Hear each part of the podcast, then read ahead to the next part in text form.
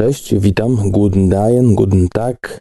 Witam Was w kolejnym odcinku islandzkim, łamane na nordyckim, transkontynentalnego magazynu filmowego.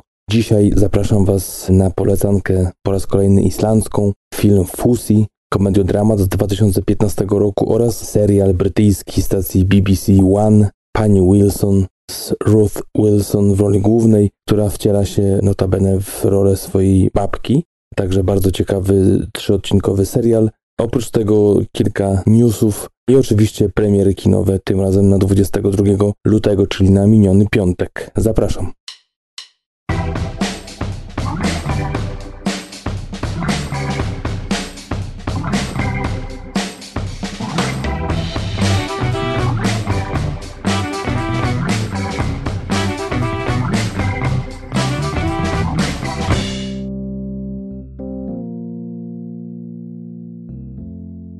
Guten Dagen, guten Tag, Quasere Gott, Altwind, hej, tak, Frauper, tak Führer, tak Führer Komuna.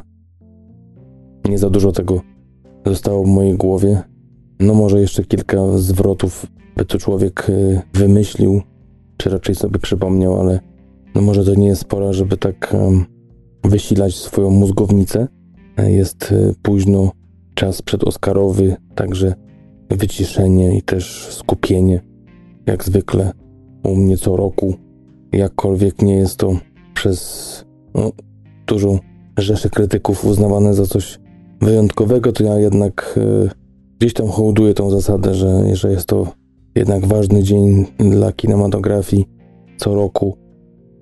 Y, zawsze coś tam ciekawego z tego y, można wynieść. Niektórzy wyniosą pewne statuetki, widzowie, czasami kilka dobrych żartów prowadzących, co no, w tym roku będzie z żartami prowadzących ciężko, bo prowadzących nie ma, czy bardziej prowadzącego jednego. Zobaczymy, jak to Akademia ułoży tak naprawdę. No ponoć od chyba ponad 20 lat, czy 30 nawet nie było takiej sytuacji, także ciekawe, czy to będzie coś zjadliwego, czy nie. No a wracając do tego islandzkiego, to tak jak ostatnio w pełnym odcinku gdzieś tam Darek między słowami przemycił, że prawdopodobnie żegnam się z Islandią, z pobytem tutaj i tak to właśnie chyba no powoli wygląda. Bilet kupiony, jeszcze może się coś zmienić, ale raczej już nie, także no może to nie jest ostatni, ale prawdopodobnie z tych wyliczeń kalendarzowych y, to będzie przedostatni dzisiaj mój odcinek islandzki, potem zobaczymy na co się przeniosę. Myślę, że tak nie zostawię tej krainy lodu i ognia, gdyż no trochę serca tu zostawiłem, trochę też y, i tej kultury liznąłem i też tych filmów kilka zostało mi poleconych bardzo ciekawych, o których jeszcze nie powiedziałem, także jaką kategorię czy jaką nazwę dla odcinka wybiorę na kolejne moje półodcinki, ale myślę, że te islandzkie filmy też gdzieś tam raz na jakiś czas będą się pojawiać. A co się będzie ze mną działo? Wracam do Polski jako do miejsca stacjonarnego, czy bardziej takiego wyskokowego po półtorarocznej przerwie, a praca moja dalej będzie skupiała się na wyjazdach zagranicznych, więc myślę, że może zrobię coś takiego, jakiegoś typu miszmasz międzynarodowy, multikulturowy, gdyż zapewne będą mi się trafiały różne kraje. Też bardzo ciekawa, rozwojowa, przynajmniej tak się wydaje na pierwszy rzut oka. Oferta pracy mi się trafiła i, no nie powiem, lekkie podniecenie jest, trochę niepewności, bo tutaj już trochę, no tak człowiek się przyzwyczaił, takiej zyskał pewności dnia następnego, a, a tutaj zmiany, ale jednak no, kwestie rodzinne i też logistyczne i też chęć przebywania w jakiejś większej aglomeracji y, z większym dostępem do różnych rodzajów dóbr, takich jak kino, które tutaj mnie nie rozpieszcza, bo, bo mam bardzo daleko i tak naprawdę bardzo się nie chce do tego kina iść, ale i, i właśnie jakichś restauracji, ale też, też i dostępów do, do różnego rodzaju artykułów. Tutaj też w moim małym miasteczku są dwa sklepy i tak naprawdę no tyle z atrakcji, jeszcze jakiś basen, sala sportowa i siłownia i, i to chyba byłoby na tyle. Chyba, że ktoś traktuje za wizytę rekreacyjną, wizytę u dentysty czy u fryzjera, no to wtedy takie też tutaj rarytasy można spotkać. No ale głównie z racji tego, żeby przebywać więcej z rodziną, e, z dorastającą, czy raczej dorastającą, to jeszcze może za wcześnie powiedzieć, ale rosnącą szybko jak na drożdżach trzyletnią córką, to chyba to jednak przeważyło. Także wracam e, i będę stacjonował, tak jak powiedziałem, w Polsce. Co może też się wiązać z tym, że może bardziej otworzymy się a propos podcastu na jakieś spotkania, eventy, na których praktycznie nie istnieliśmy, bo po prostu nas w Polsce nie było. Oczywiście ja i tak częściej byłem w Polsce niż Darek, ale no chyba na takim evencie, gdzie coś działo się a propos podcastów, to byłem tylko na jednym. Więc teraz mam nadzieję, że też to się zmieni. No już nie mówiąc o tym, że, że wracając do Gdańska, e, zacieram ręce już na nowy sezon żużlowy, nowa drużyna, e, nowe twarze, nowe nadzieje. Ja jestem fanem żużla od praktycznie niemowlaka, więc no, te ostatnie wyjazdy, wojaże trochę mnie odsunęły od tego sportu. No pewnie teraz też tak będzie, ale chociaż ten początek sezonu, tutaj końcówka marca, kwiecień, może tutaj uda mi się zaczepić kilka meczów i nawąchać się tego specyficznego zapachu żużla. Także jeszcze mm, jeden odcinek będzie stąd nagrywany, a potem wracam do rodziny na łono ojczyzny i mam nadzieję, że też będzie ekscytująco i też będę miał o czym opowiadać, bo tak jak mówię, moja praca będzie się wiązała z wyjazdami. Już w kwietniu ma być wyjazd do Rumunii, więc może zahaczę jakieś kino rumuńskie, zobaczymy jak to wszystko się ułoży. No i tyle chyba z takich rzeczy moich prywatnych. Y, coś może dwa słowa napomnę o tym, co ostatnio oglądałem, spoza tych żelaznych akapitów tego odcinka, czyli filmu i serialu, o których mówiłem, że będę dzisiaj opowiadał i polecał. Miracle Workers to jest serial komediowy ze Steve'em Buscemim i Danielem Radcliffe'em w rolach głównych. Steve Buscemi gra Boga, który planuje zniszczyć e, Ziemię. Jest to komedia typowo dwudziestokilkuminutowa.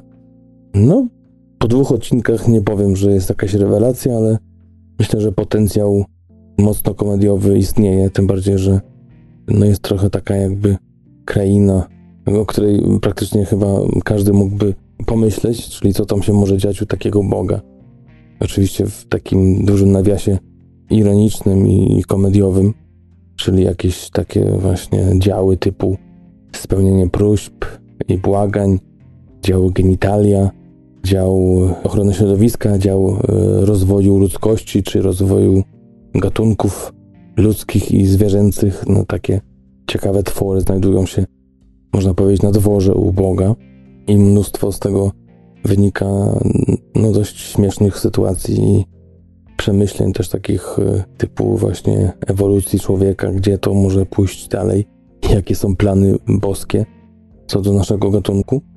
Tak jak mówię, no nie ma większych rewelacji na razie, ale no wiadomo, postaci czy aktorzy są świetni, więc myślę, że jak scenariusz nie będzie kulał, to będzie dobra e, z tego rzecz. Oprócz tego też trafiłem na perełeczkę kina nowozelandzkiego, coś w duchu Fly of the Concords, jeśli kojarzycie. Dwa sezony były o takiej grupie, grupie, y, duecie nowozelandzkim, który przyleciał y, do Stanów Zjednoczonych zrobić karierę muzyczną. I właśnie coś w duchu tej komedii serwuje nam właśnie serial Fresh X. Zupełnie inna historia, ale, ale bardzo podobny klimat humoru.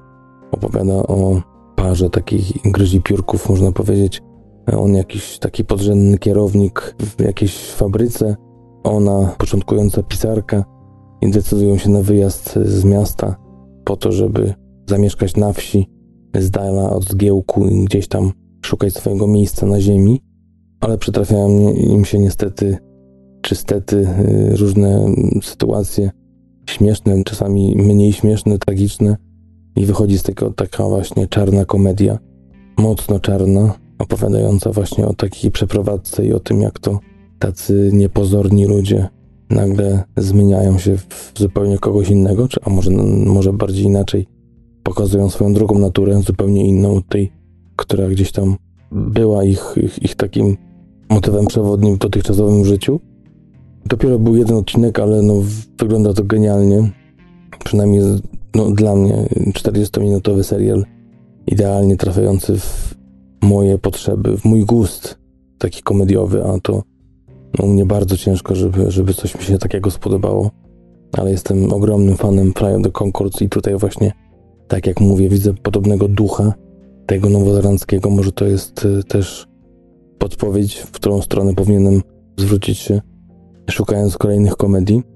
Co robimy w ukryciu, taka była komedia też z twórcami Fly of the Concourse, to też coś podobnego, e, myślę. Także to są takie dwie rzeczy, które oglądałem e, ostatnio i trafiły mi się i myślę, że mogę początkowe odcinki polecić. No i to chyba będzie e, tyle, żeby nie przedłużać. I tak przejdziemy może teraz do premier, które naprawdę były ciekawe w ostatni weekend i też muszę dwa, trzy słowa powiedzieć o, o tych filmach.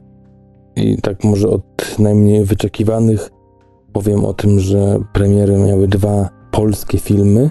Kobiety Mafii 2, to tutaj akurat za długo się nie zatrzymam, chociaż ponoć Patryk Wega zasłużył tym razem na trochę wyższe oceny niż poprzednio. No, nie wiem. Ja jakoś chyba nie będę zbytnio zabiegał, żeby na ten film y, dostać się, czy, czy gdzieś tam go obejrzeć. Widzę, że po kilku dniach z oceny 6.0 zrobiło się 5-7.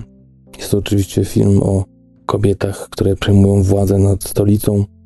Przede wszystkim gang Niani, czyli Agnieszki Dygant, pseudonim po swoim największym chyba serialowym wcieleniu się w serialu stacji TVN. I właśnie ten gang oto przygotowuje się do największego napadu akcji przemytniczej w dziejach kraju naszego, zakładam wspólnie właśnie z innymi kobietami, które tutaj mają górować nad panami.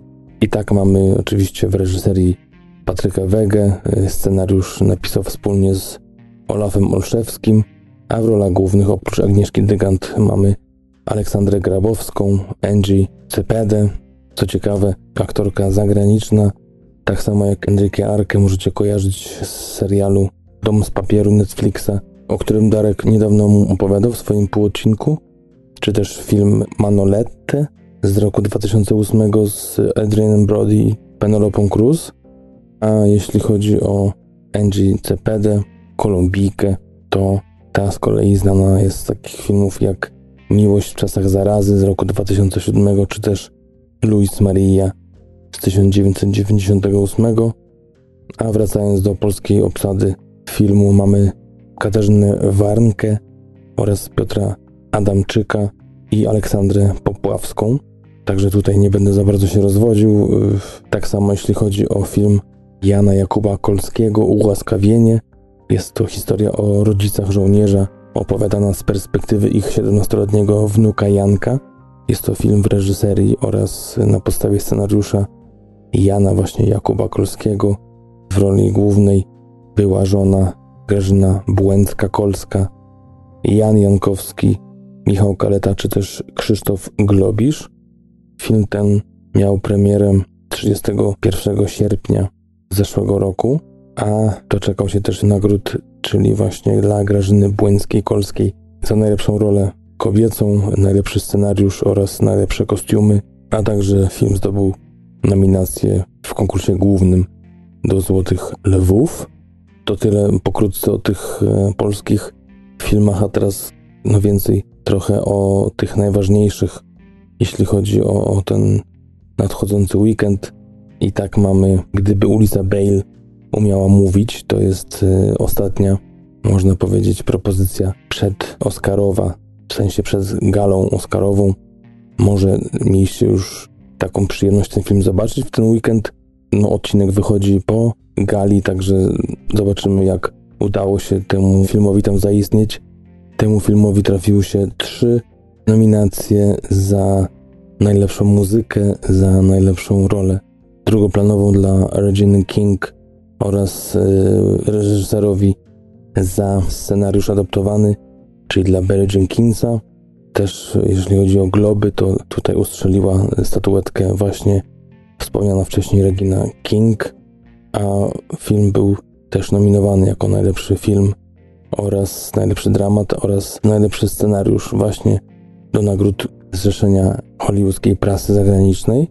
Mi się tego filmu obejrzeć nie udało, chociaż miałem na to szansę, ale gdzieś tam przepadła. Mówiąc w dużym skrócie, jest to produkcja, która jest no, takim kryminałem, też dramatem romantycznym. Darek wiem, że był na tym filmie. Miał zrobić chyba nawet bonusa, ale też mu coś nie wyszło. Jeśli chodzi o oceny tego filmu, to 7,5 na IMDb. To jest y, taka ocena tego filmu. Na Filmwebie w tej chwili to jest 6,4, a na Rotten Tomatoes 94% pozytywów, jeśli chodzi o krytykę i 68% jeśli chodzi o widownię. Odpowiednio 8,6 na 10, jeśli chodzi o krytyków i 3,6 na 5 widowni. Aż 300 mm, recenzji ukazało się właśnie na portalu Rotten Tomatoes. Film, który pokrótce opowiada o tym, jak to ukochany Tish trafia do więzienia za czyn, którego nie popełnił, a dziewczyna wraz z matką próbują go uwolnić. Premierę światową miał film 9 września zeszłego roku. Budżet to 12 milionów dolarów, a zarobki na 21 lutego było to 14 milionów, więc z lekką nawiązką odrobione wydatki. Co jeśli chodzi o krytykę? Na plus krytyka mówi, iż film ten działa jako ponadczasowy romans, dramat rodzinny, thriller prawniczy oraz przyjmujący komentarz społeczny. Wielka opowieść została zamieniona w wielki amerykański film, także dość wielkie też słowa ze strony tego krytyka. Inny mówi z kolei, że jeśli szukasz silnego kopa w poczucie sprawiedliwości społecznej, to właśnie ten film jest idealnym tym, czego właśnie szukałaś, szukałeś. Zahaczając o minusy tego filmu, który trwa godzinę i 59 minut, jeden z krytyków mówi, że triumf to za duże słowo a propos tego filmu, gdyż film wykorzystuje surową emocjonalność po prostu materiału źródłowego, czyli scenariusza, a sam Jenkins po prostu jedzie na hypie swojej własnej osoby i twórczości. Bo może jak pamiętacie, Jenkins jest y, oczywiście reżyserem filmu y, Moonlight między innymi, który był y, no, dość y, świetnie przyjęty i przecież został filmem roku w 2017, kiedy była ta dość spora wpadka podczas gali rozdania Oscarów, ale to już tam do tego nie będziemy może bardzo wracać. Po tym filmie jeszcze powstał serial Dear White People, czyli Drodzy Biali, wykrzyknik i to też y, jest produkcja, w której Jenkins był reżyserem. Wcześniej także taki film jak My Josephine, czy też A Contract with God. Tutaj jeśli chodzi o jego filmografię, tak jak mówiłem, Barry Jenkins y, napisał scenariusz na podstawie oryginału, którym to była książka Jamesa Baldwina pod tym samym tytułem. Jedną z gwiazd jest, tak jak mówiłem, e, Regina King, ale także oprócz niej w filmie możemy zobaczyć Kiki Line oraz Stephena Jamesa. Stephen James y, ostatnio brylował w serialu Homecoming, o którym mówiliśmy w podsumowaniu e, roku 2018. Zagrał też Jesse Owensa w filmie Race z 2016 oraz w filmie Selma z roku 2013. Regina King, wspomniana wcześniej, to aktorka z takich filmów jak Wróg Publiczny z 1998, Ray z roku 2004, czy też Historia Kopciuszka z tego samego roku oraz ostatnio bardzo ciekawa rola nagradzana też za serial Netflixa Seven Seconds, miniserial z zeszłego roku oraz jak wspomniałem wcześniej Kiki Lane. Ta aktorka z kolei oprócz dzisiejszego filmu ma na koncie Captive State, który wyjdzie w tym roku, Chicago Med z roku 2016, czy też Veracity z roku 2015. I to tyle, jeśli chodzi o właśnie główną obsadę. Z ciekawostek warto dodać, że film, ponoć tak samo jak książka, mylą miasta, twierdząc, że Bale Street, czyli ulica Bale, jest e, w Nowym Orleanie, tak naprawdę mieści się ona w Memphis. Film miał być na podstawie książki co do Joty i powtórzyć ten błąd, czy, czy faktycznie też nie sprawdzono po raz kolejny tej informacji.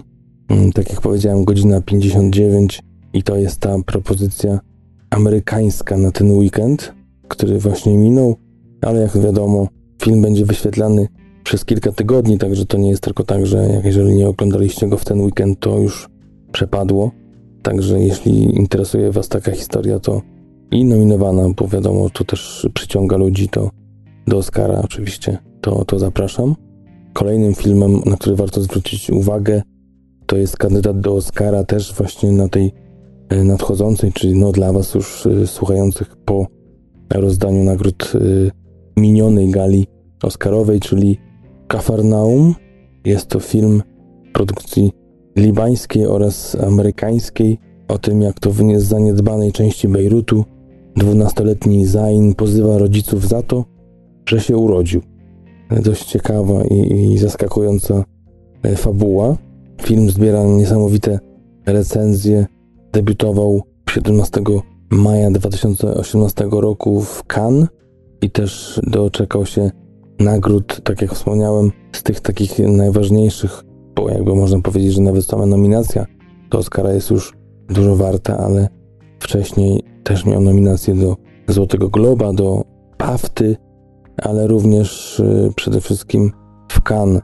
Reżyserka Nadine Labaki dostała nagrodę za reżyserię, nagrodę jury, ale także dwie inne nagrody oraz nominacje do jakby w głównym konkursie.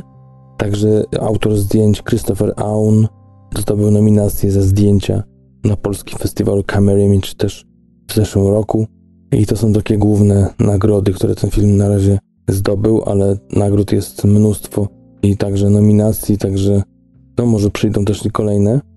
Niesamowite, tak jak powiedziałem, oceny 8,4 na IMDb, 8,2 na Filmwebie, a Rotten Tomatoes odpowiednio 88 i 89% pozytywnych ocen krytyków oraz widowni i też 7,7 na 10 średnia ocena krytyków i 4,3 jeśli chodzi o widownię. Kilka słów może warto powiedzieć o samej reżyserce. Jest to 45-letnia Libanka właśnie, która ma już na koncie świetne między innymi Dokąd Teraz z roku 2011, czy też Carmel z roku 2007. Zagrała także jedną z ról w tym filmie, wcieliła się w Nadine i jest to no, ostatnio bardzo raz y, doceniana, ale i właśnie taka na topie i rozwijająca się twórczyni właśnie z, z Azji. Kafarnaum jest jej czwartym filmem w karierze. Tych ról ma na swoim koncie trochę więcej. A w rolach głównych zobaczymy w roli Zaina Alf Rafael, niesamowitego ponoć chłopca, który wcielił się właśnie w głównego bohatera. Jordanos Schiferaw w roli Rahila oraz Bolu Watife Bankole w roli Jonasa. No, tak jak można było się spodziewać, dość, przynajmniej dla nas, jak to można było się domyślać, po tym, że jest to produkcja azjatycka, dość oryginalne nazwiska. Film trwa 126 minut. Budżet tego filmu to 4 miliony dolarów. Jeśli chodzi o krytykę, na plus zalicza się temu filmowi to, że jest bezwzględnym łamaczem serc w historii o zagrożonych dzieciach i trudnej sytuacji osób bezdomnych, a także to, że film Nadine Labaki jest szalony, szybki, pełen kolorów, uczuć oraz wybuchu surowego humoru. Jest to może nie film doskonały, ale na pewno świetny.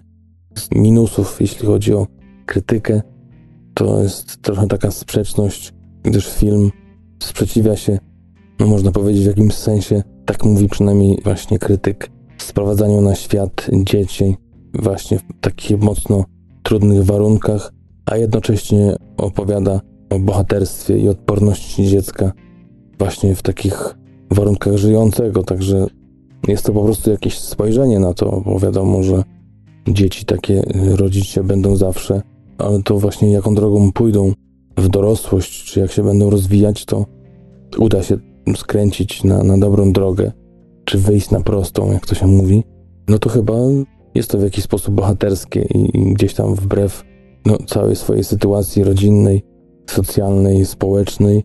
I myślę, że to taki minus jest trochę mocno moim zdaniem nieprzemyślany, no ale to nie opinia moja, tylko krytyka, który jest no, dość mocno znany w świecie filmowym.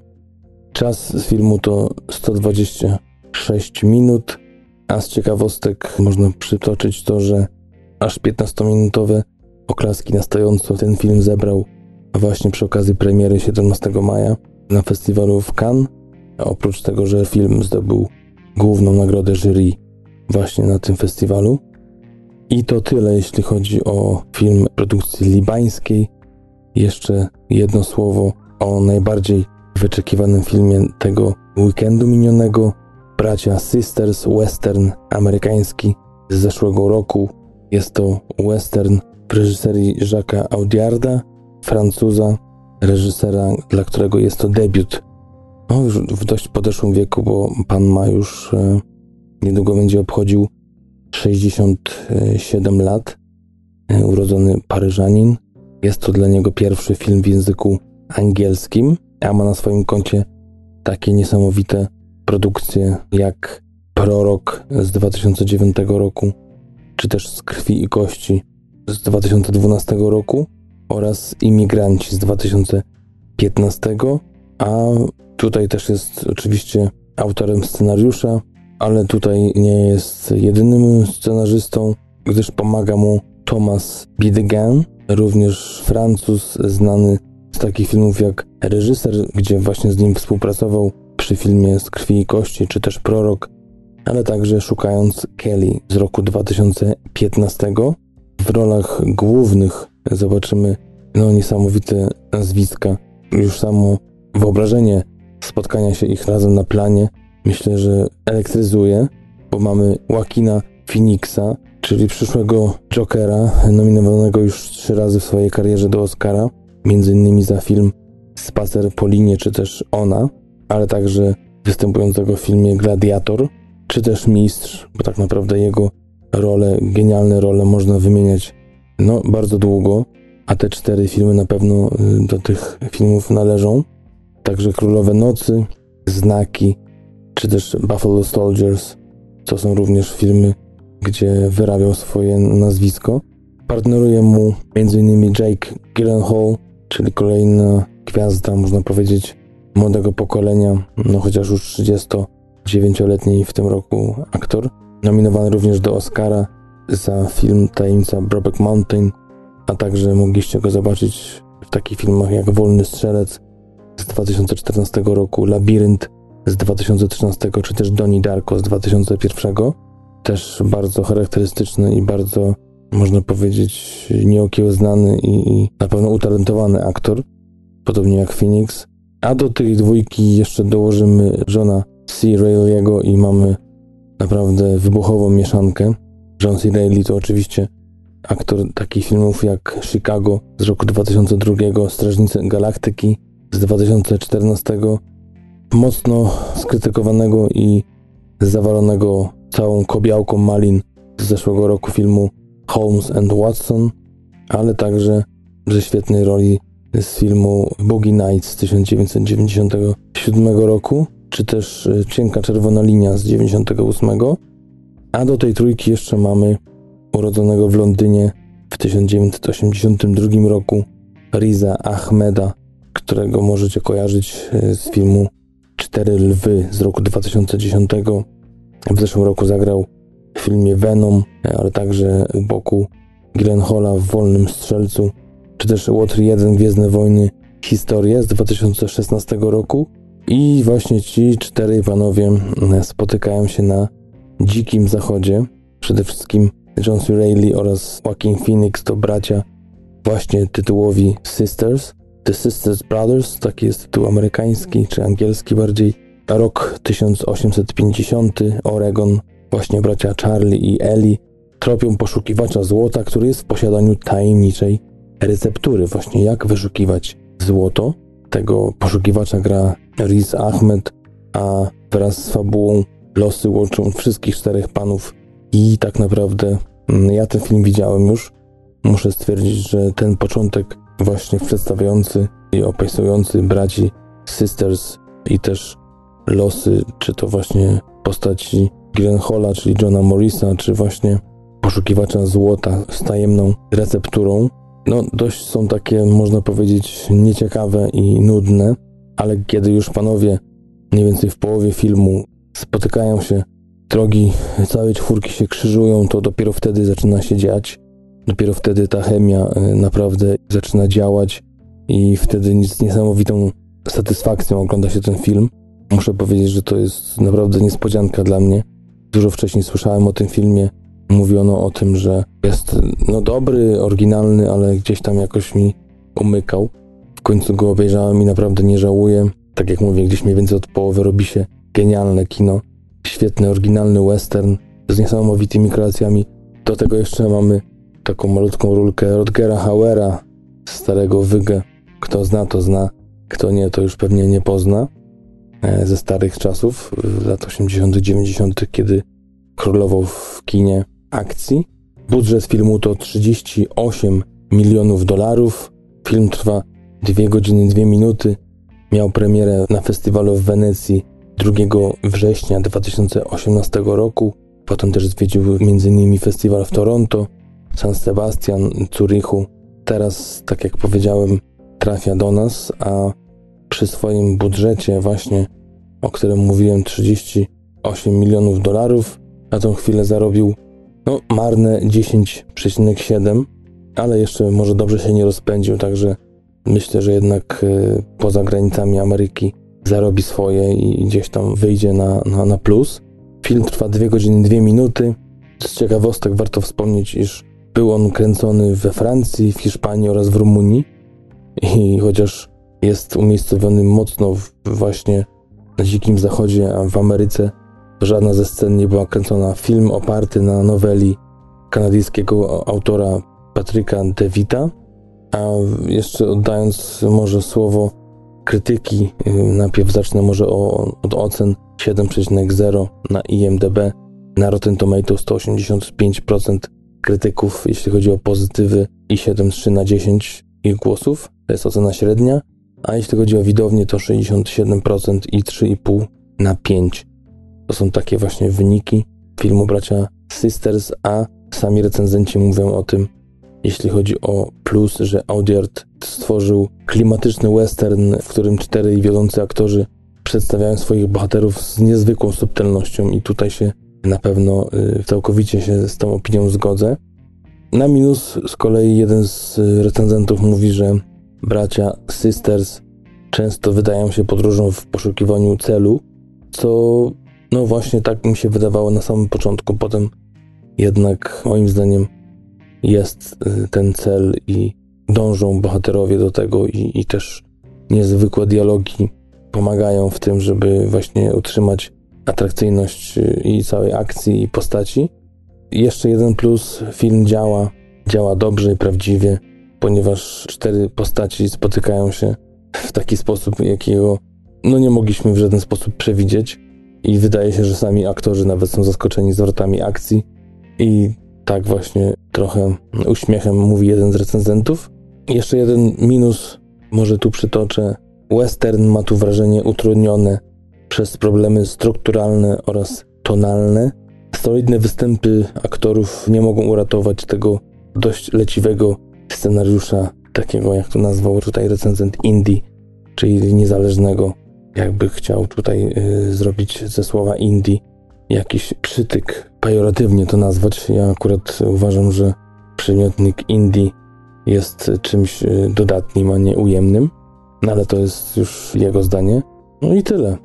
Tak jak widzicie, jest dużo ciekawych pozycji i zapraszam na ten weekend czy następny do kin. Wybierajcie, jest z czego dla każdego coś miłego, coś dobrego, tak mi się przynajmniej wydaje, tak to wygląda na pierwszy rzut oka. Zanim przejdę do tych dwóch najważniejszych produkcji, o których chciałem dzisiaj powiedzieć, to cztery newsy chcę Wam przybliżyć. Dzisiaj mocno y, takie, można powiedzieć, sequelowe i też biograficzne newsy. Jedna taka ciekawostka jest taka, że Christopher Nolan odkrył karty wraz z wytwórnią Warner Bros. i zapowiedział, że w IMAXie znowu, czyli w tej najlepszej jakości możliwej, dostępnej i też w wybranych kinach, oczywiście, których brakuje w Gdańsku, to tak na marginesie, bo to woła o pomstę do nieba, że takiego kina w Gdańsku czy w ogóle w którym mieście jeszcze nie ma. 17 lipca 2020 roku właśnie odbędzie się premiera najnowszego filmu twórcy Dunkierki, czyli mojego najlepszego ulubionego filmu z roku 2017 i właśnie wygląda na to, że starszy z braci Nolanów znowu szykuje dla nas jakiś film, który może być przebojem. Tak samo było z Dark Knight, Incepcją, czy też Dunkierką, także nie ma żadnych informacji, jeśli chodzi o obsadę, czy też o to, jaka będzie historia opowiedziana w tym filmie, jaki to będzie gatunek, nic. Yy, wiadomo tylko, że właśnie będzie ta data i już można zacierać ręce, bo znając Nolana, to raczej nic średniego nie będzie, tylko coś, na co no, ja jako wielki fan Nolana, który jest moim ulubionym reżyserem zaraz po Tarantino, no, czekam z niecierpliwością. Inna informacja jest taka, że Henry Winkler dołączył do najnowszego filmu Wesa Andersona. Projekt ma tytuł The French Dispatch. Dołącza do niesamowitej ekipy już Frances McDormand, Benicio del Toro, Jeffrey Wright, Timothy Chalamet, Lois Smith, czy też tacy, którzy regularnie występują u Andersona, czyli Adrian Brody, Tilda Swindon, Bill Murray, czy też Bob Balaban. Ponoć szczegóły fabuły są mocno utajnione, ale historia ma się rozgrywać w latach 50., właśnie powojennych, w paryskim biurze amerykańskiej gazety. Jest to pierwszy film od 2014 roku, jeśli chodzi o film fabularny, po Grand Budapest Hotel, gdzie oczywiście Anderson zdobył trzy nominacje za produkcję, za reżyserię oraz za scenariusz, a niedawno otrzymał Srebrnego Niedźwiedzia na Berlinare za reżyserię filmu Wyspa Psów. Też za kamerą stanie Robert Joman, który był nominowany do Oscara za właśnie zdjęcia do Grand Budapest Hotel. A oprócz tej grupy, którą wymieniłem, jeszcze można dołożyć do tego Owena Wilsona, Williama Defoe, Lea Seydoux, Saoirse Ronan oraz Kate Winslet. Także no, niesamowite nazwiska. Też jak zwykle szukuje się niesamowity film. Nawet nie ma co tutaj wspominać, kto gdzie grał, bo myślę, że nazwiska mówią same za siebie. Także również kolejny film jednego z moich ulubionych reżyserów i też bardzo będę wyczekiwał. Najprawdopodobniej ten y, komedio-dramat romantyczny będzie miał swoją premierę y, za rok. Kolejnym newsem jest to, iż Billy Zane, możecie go kojarzyć między innymi jako no, czarny charakter, to za dużo powiedziane, ale przeciwnik Leonardo DiCaprio w filmie Titanic, to właśnie ten pan będzie produkował oraz zagra główną rolę w filmie Waltzing with Brando, gdzie zagra samego właśnie mistrza Marlona Brando w filmie opartym na pamiętniku, wspomnieniach słynnego amerykańskiego aktora, który to będzie opowiadał o tym, jak Brando w pewnym okresie film ma być mniej więcej usytuowany w latach 1969-74, czyli mniej więcej w czasie, kiedy Brando grał w filmie Ojciec Chrzestny, czy też Ostatnie Tango w Paryżu.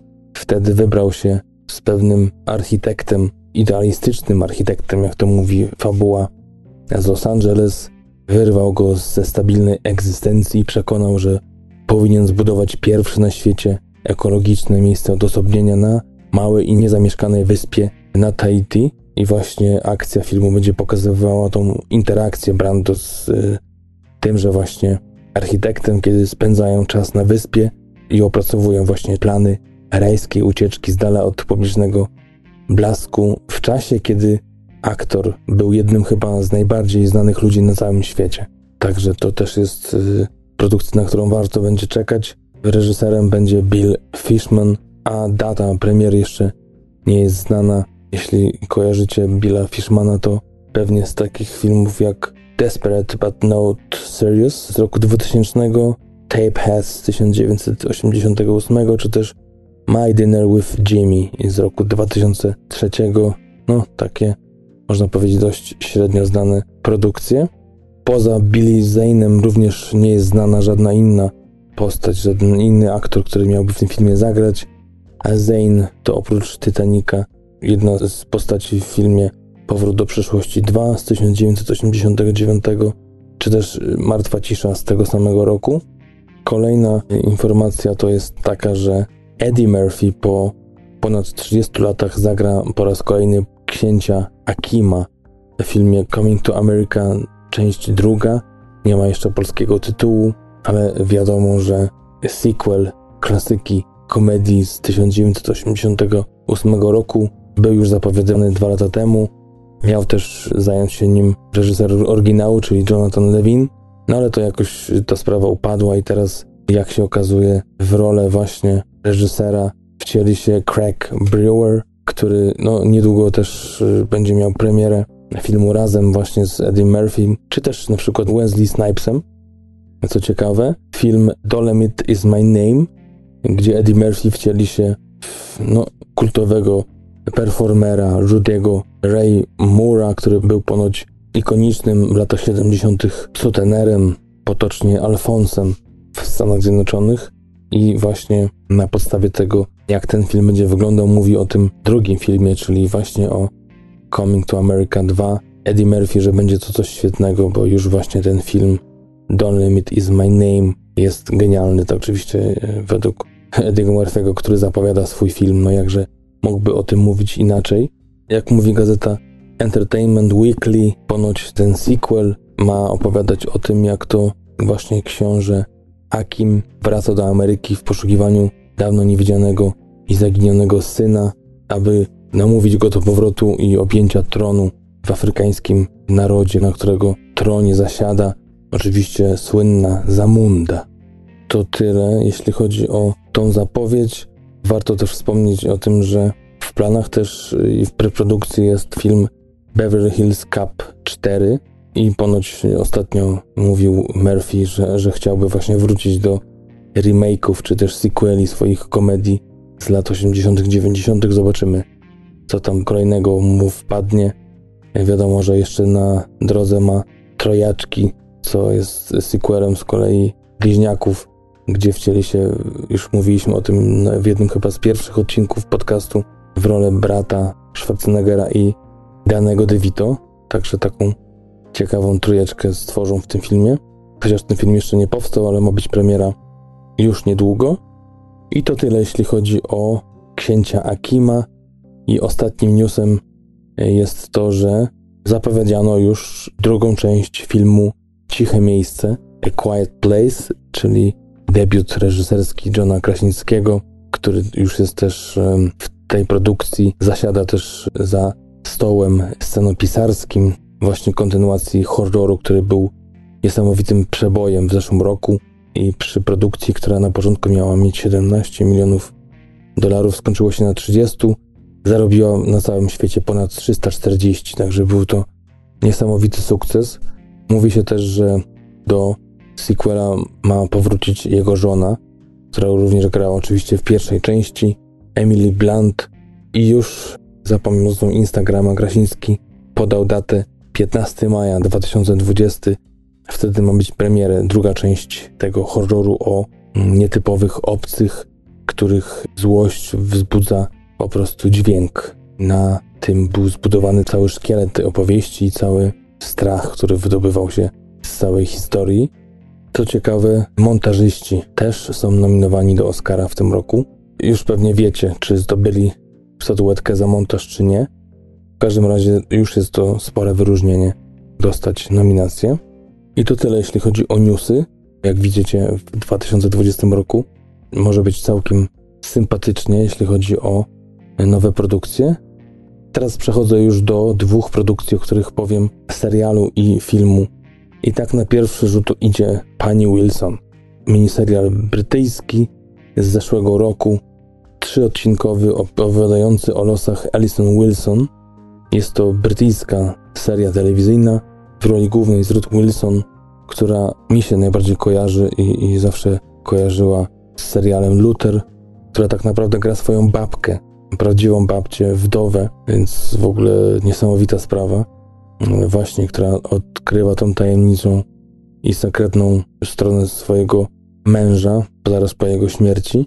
Ukazywane są historie z lat 40. i 60. w Londynie oraz latach 30. w Indiach. Scenariusz oparty jest na wspomnieniach, na pamiętniku właśnie tej wdowy, choć tak naprawdę główną autorką scenariusza, która już przygotowała to na właśnie potrzeby serialu jest Anna Simon. Wcześniej mogliście podziwiać jej pracę przy takich serialach jak Indian Summers z lat 2015-16, Friday 2012, czy też niedługo ma pojawić się serial Deep Water, który jest właśnie w trakcie filmowania, ale także do tego zestawu jest jeszcze trzecia osoba, Tim Cook, The Secret Lives of a Secret Agent, The Mysterious Life and Times of Alexander Wilson. To jest właśnie książka, którego autorem jest Tim Cook i ona również y, posłużyła za podstawę do scenariusza. Książka opowiada o tym, jak właśnie Tim Cook odkrył legendę wywiadu i jego podwójne życie, złożone i romantyczne i tragiczne tak naprawdę, która tworzy fabułę niesamowitego szpiega i całego świata szpiegów i to właśnie mniej więcej w skrócie oglądamy na ekranie, podziwiając trzy odcinki około godzinne serialu. Za reżyserię odpowiada tu Richard Laxton, wcześniej odpowiadał za taki serial jak Him and Her z lat 2010-13, czy też serial Mam z 2016 roku, a także za film Anglik w Nowym Jorku z Johnem Hurtem z roku 2009. To ciekawe, zdjęcia do serialu są autorstwa Huberta Taczanowskiego, polskiego twórcy filmowego, znanego za takie filmy jak Twarz Anioła z 2014 roku, czy też Wojna Płci z 1998 z Krystyną Ricci. A jak wspomniałem, główna postać to Ruth Wilson, główna aktorka. Powiedziałem też, że mi się kojarzy z Lutherem, gdzie występuje od 2010 roku, ale także Złotego Globa została w 2015 za serial The Affair, gdzie właśnie wciela się w jedną z głównych ról od 2014 roku. Także zagrała w filmie Ratując Pana Banksa z 2013.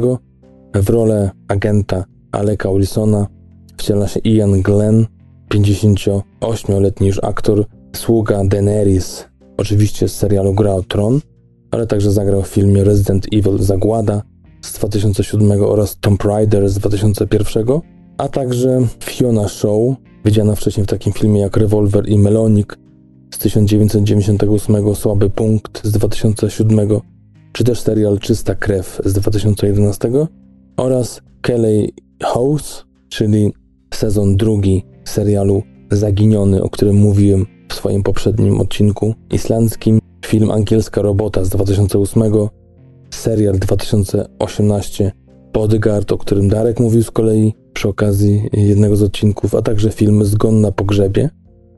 Jeśli chodzi o ocenę krytyków, to 88% krytyki na Rotten Tomatoes jest przychylne właśnie temu serialowi. 7,4 to jest ocena na, na IMDb, a 7,0 na Filmwebie, ale przy jedynie 295 głosach. Jeśli chodzi o Rotten Tomatoes, jest tam tylko 16 ocen, ale aż 14 z nich to pozytywy.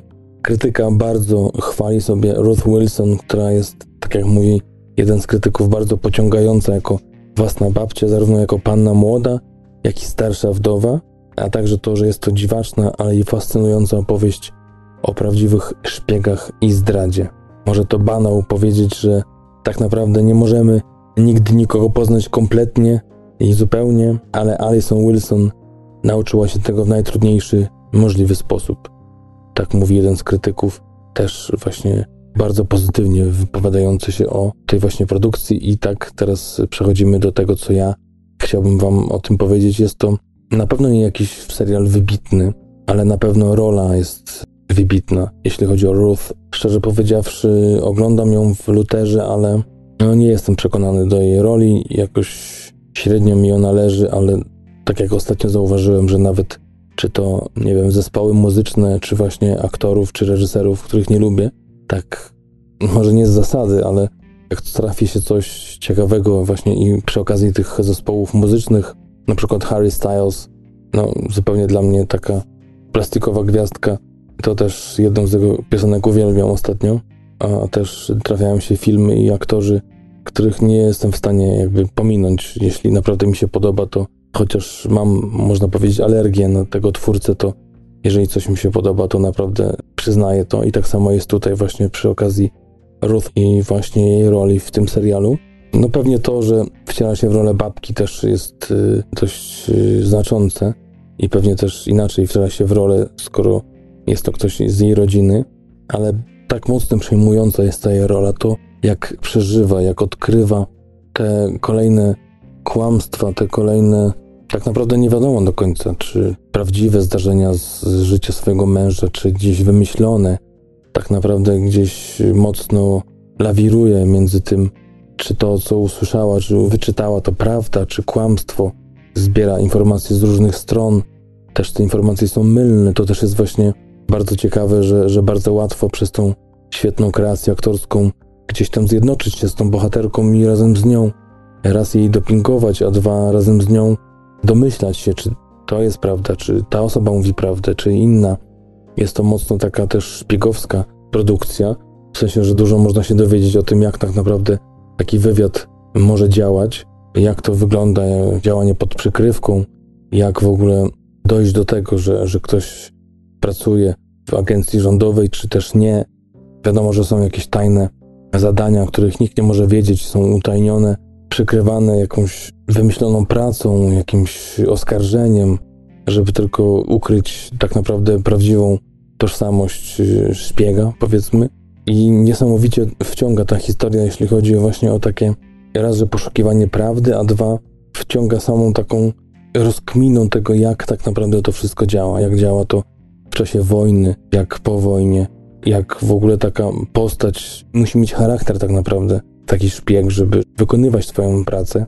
Oprócz tego mamy taką romantyczną podróż i te upadki i wzloty, bo są różne momenty w tym serialu, gdzie powątpiewa, gdzie znowu wierzy swojego męża i tak naprawdę, no oczywiście nie powiem jak to się kończy, ale myślę, że bardzo ciekawie i jeszcze bardziej zaskakująco się kończy niż to, co po drodze zastajemy, odkrywając po kolei tajemnicę właśnie pana Aleka Wilsona.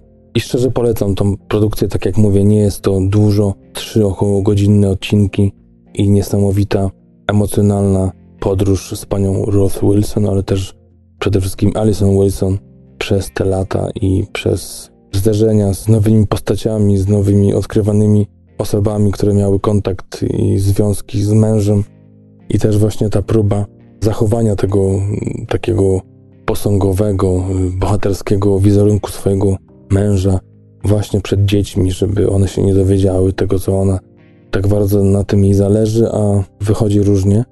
No i to tyle, jeśli chodzi o ten serial. Jest dostępny w różnych miejscach, też w Polsce w kilku miejscach widziałem, także myślę, że nie będzie problemu, żeby go dostać. A drugą pozycją, o której chcę powiedzieć, jeszcze tylko dwa słowa, bo to już mocno ten odcinek przeciągam, to komediodramat islandzki, tak jak powiedziałem na wstępie, Fusi. Co ciekawe, Virgin Mountain, tak mówi o tym IMDB, czy bardziej amerykański, czy angielski odpowiednik tego właśnie tytułu. Mamy tutaj niesamowitego Gunnara Jonsona, który wciela się w główną postać właśnie tego filmu. Jest to Fusi, 43-letni mężczyzna, który dalej mieszka ze swoją matką, pracuje na lotnisku, wpada w taką rutynę, też ma, można powiedzieć, trochę dziecięce zabawy. Lubi bawić się w wojnę, ustawiając różne makiety i tak bawiąc się ze swoim kolegą, prawdopodobnie z dzieciństwa, ale nagle przez przypadek zupełnie poznaje na kurcie tańca, gdzie też zupełnie przypadkowo się zjawia dziewczyna o imieniu Sjofn, jak to zawsze bywa ciekawie w tych y, islandzkich filmach, i Fusi zakochuje się, przeżywa swoją pierwszą miłość i podążamy za nim i za jego rozwojem takim można powiedzieć emocjonalnym, mocno po 40, ale bardzo tak troskliwie jakby obchodzi się z nim kamera, reżyser, scenarzysta i właśnie sam scenariusz. Film jest w reżyserii Dagura Kari, który urodzony jest w Paryżu, ale urodził się jako Dagur Kari Peturson, także z krwi i kości Islandczyk. Możecie go kojarzyć z, z takich filmów jak Zakochani widzą słonie z 2005 roku, film duński, czy też Dobre Serca z roku 2009 z filmu amerykańskiego z Polem Dano i Brianem Coxem oraz Noi Albinoi z 2003 roku. Tak jak powiedziałem o reżyserze, tak warto wspomnieć o głównym bohaterze Gunnar Jonsson. Niesamowita postać, niesamowita prawdopodobnie rola życia. Zagrał też w takich filmach jak Serce z kamienia z 2016 roku, o którym mówiłem już w jednym z poprzednich odcinków, czy też Maybe the Christmas z tego samego roku. Ilmur Christiansdottir zagrała w takich filmach jak Wesele w Białą Noc z 2008, serial W Pułapce, o którym też mówiłem z lat 2015-2019, czy też Hej Sokoły z zeszłego roku oraz Franciska Una Dax-Dottir, to jest jej dotychczas jedyna rola, a także Sigurjon Kjartansson, którego mogliście widzieć w serialu Retur, chociaż pewnie nie, z lat 2009-10, czy też film Siła Wyższa z 2008, zakładam, że też nie.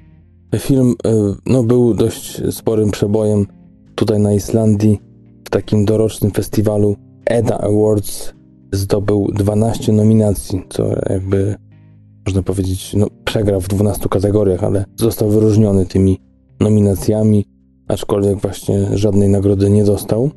Film, jeśli chodzi o oceny, to mm, wygląda w ten sposób, że jest to 7,5, więc naprawdę dość wysoko na IMDb, 7,4 na Filmwebie i aż 100% na Rotten Tomatoes, jeśli chodzi o krytyków i recenzentów, ale jest ich no niedużo, bo, bo tylko 10 recenzji, więc no ale zawsze to 10 na 10, a nie 9 czy, czy jeszcze mniej. Także całkiem sympatycznie jak na, jak na film islandzki. Jeśli chodzi o krytykę in minus, mówi się o tym, że jest to film trochę miejscami, które zbyt zwalnia, jeśli chodzi o tempo rozwijania się akcji, jest nierówny i do tego też e, mocno średni drugi plan. Oprócz małej dziewczynki, sąsiadki, tak naprawdę, bo tam do niczego nie można się przyczepić, to jednak ten drugi plan trochę kuleje aktorsko. A z pozytywów warto wspomnieć o tym, że jeden z recenzentów właśnie napisał, że jest to wzruszający portret mężczyzny o wyglądzie ogra, ale o złotym sercu. No można powiedzieć jakby trochę tak jakby o Szreku. Z ciekawostek warto wspomnieć, że Franciska Una Dax Dottir, która wciela się w rolę Hery, sąsiadki małej y, głównego bohatera, która czasami go odwiedza i bawi się z nim. No bo 402-latek, można powiedzieć, no cały pokój ma usłany zabawkami, może nie takimi dla dziewczynki, bardziej dla chłopca, ale jednak i dziewczynka znajduje tam miejsce dla zabaw dla siebie. To ona jest y, córką reżysera, ale jak z kolei powiedział reżyser, też musiała stanąć do przesłuchań. Zakładam, że trochę z przymrużonym okiem ta wypowiedź samego reżysera, ale no ponoć musiała stawić się na przesłuchaniu. Naprawdę ciepły film, wzruszający, oddający też ducha Islandii, pogodą, klimatem, ale i samotnością ludzi. Też mocno jest tutaj zarysowany klimat depresji, gdyż no, z taką chorobą zmaga się bardzo właśnie kobieta poznana przez Fusiego. Gunnara Jonassona, który naprawdę zachwyca w tej roli, tak jak mówię, wydaje się, że jest to jego rola życia. Taki można powiedzieć zwalisty pan, który ma w sobie tyle ciepełka, co naprawdę nie jeden futrzak taki wzo. Dobroduszny, do szpiku kości tak naprawdę. Oddany przyjaciel, pogodzony trochę ze swoim losem, pogodzony z losem takiego samotnika, który ma życie właśnie osłane z takich rutyn, jak właśnie praca, posiłki, od czasu do czasu jakaś gra gdzieś tam ze swoim starym przyjacielem, który na chwilę chce się oderwać od rodziny. I też to, że w pracy mu koledzy dokuczają, ale on jednak jest fair na tyle, że nie donosi, więc do końca w każdej sytuacji tak naprawdę pozostaje fair, nawet zbyt i takim jest uczciwym bardzo człowiekiem, to oczywiście też zostaje wykorzystany przeciwko niemu. Też są sytuacje, kiedy zaprasza do siebie, czy bardziej wprasza się do niego ta sąsiadka mała. Z tego też potem wynikają jakieś dość nieciekawe dla niego akcje, czy właśnie zachowania sąsiada, ojca, dziewczynki, a tak naprawdę właśnie Fusi jest no tak nieszkodliwym i, i nieagresywnym i pozytywnym człowiekiem, tak bardzo jak dużym jest przy tym mm, i właśnie tak jak powiedziałem o takiej posturze, jak to jeden z recenzentów powiedział, ogra, czy właśnie takiego Szreka.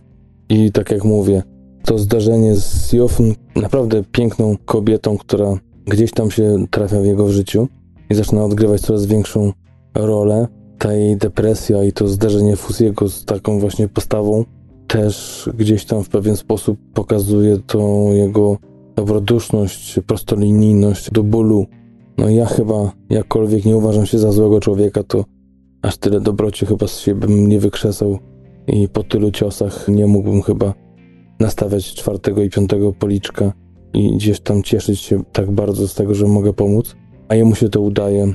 To jest takie strasznie rozbrajające. Myślę, że każdy chciałby znać chociaż w życiu jednego takiego człowieka, jak właśnie Fusi.